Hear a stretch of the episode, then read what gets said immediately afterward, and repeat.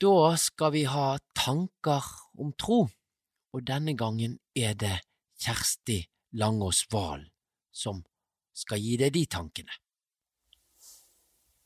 Nå i høst så var fortellingen om den rike mannen og Lasarus prekentekst i kirkene våre. Det handler om Lasarus, en fattig mann med mange sår, som ligger utafor porten til den styrtrike mannen, som lever i fest dag etter dag, som kler seg i purpur og lin. Lasarus håper. Hans håp er ydmykt.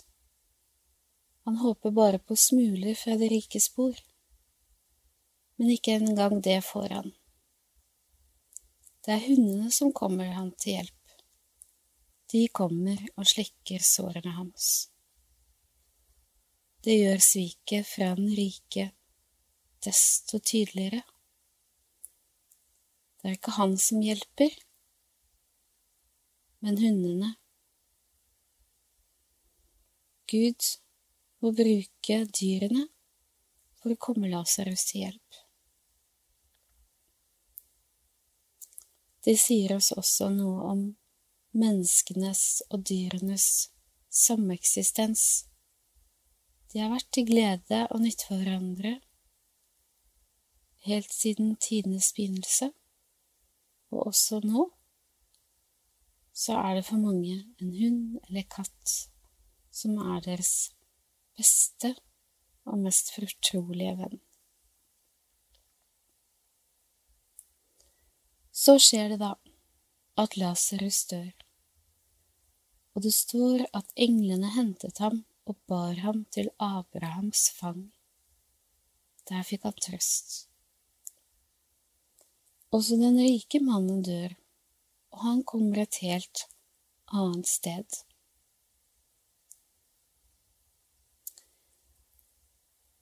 og han pines, og han ser over en stor kløft.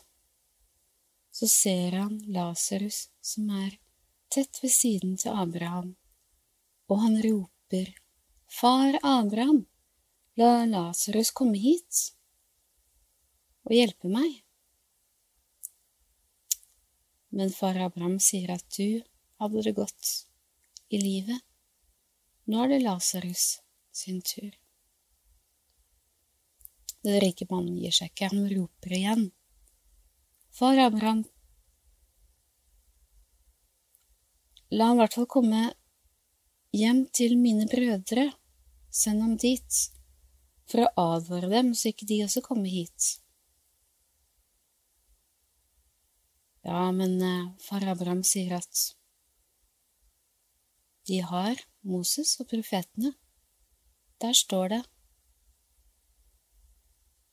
Det står i Femte Mosebok 15 Lukk opp din hånd for din bror, for de nødlidende og fattige i landet ditt. Den rike mannen prøver seg igjen. Hvis du sender Lasarus dit, da vil de tro, for da er det jo en dødeoppvekkelse. Men far Abraham sier at nei, de har loven og profetene. Lasarus hadde et håp i livet der han lå, ved porten til den rike. Men den rike brydde seg ikke om ordene fra Femte Mosebok om å lukke opp hånden til de nødlidende. Det fins fattige, det fins tiggere på våre gater også. Og det de forteller om som er det verste, det er at noen ikke engang ser deres vei, ikke engang hører dem, svarer dem, men bare ignorerer dem som de ikke fantes engang. I det minste vi kan gjøre, er å anerkjenne deres eksistens.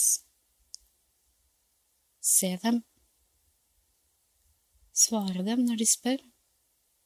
Om vi så ikke har noe å gi dem, så har vi i hvert fall anerkjennelse, medmenneskelighet å gi. En gang så er det kanskje oss som opplever kriser i livet. Det er det eneste vi ønsker og ber og trenger, er vennskap, anerkjennelse, forståelse, vennskap og nåde fra våre medmennesker. Vi møter mange mennesker på vår vei gjennom livet. Vi har mange muligheter til å være et medmenneske, til å vise nestekjærlighet, til å speile noe av Guds himmel, Guds kjærlighet, til hvert eneste enkelt menneske. Fordi vi er alle skapt, vi er alle elsket, vi er alle Guds barn.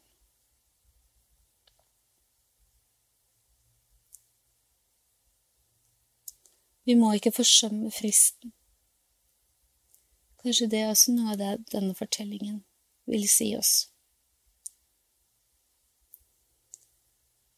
Fordi en dag er det for sent. En dag kan vi ikke lenger forandre på eller reparere det vi i livet har forsømt eller ødelagt. En dag er Lasarus død.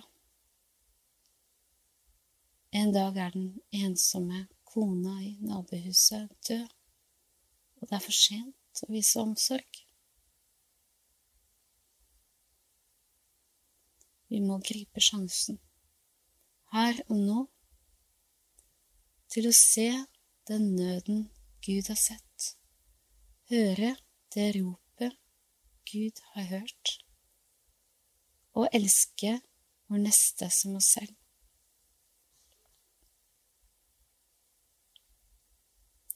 Uansett hva vi tenker om livet etter døden, så har denne fortellingen noe å lære oss, noe å minne oss på, noe å si oss.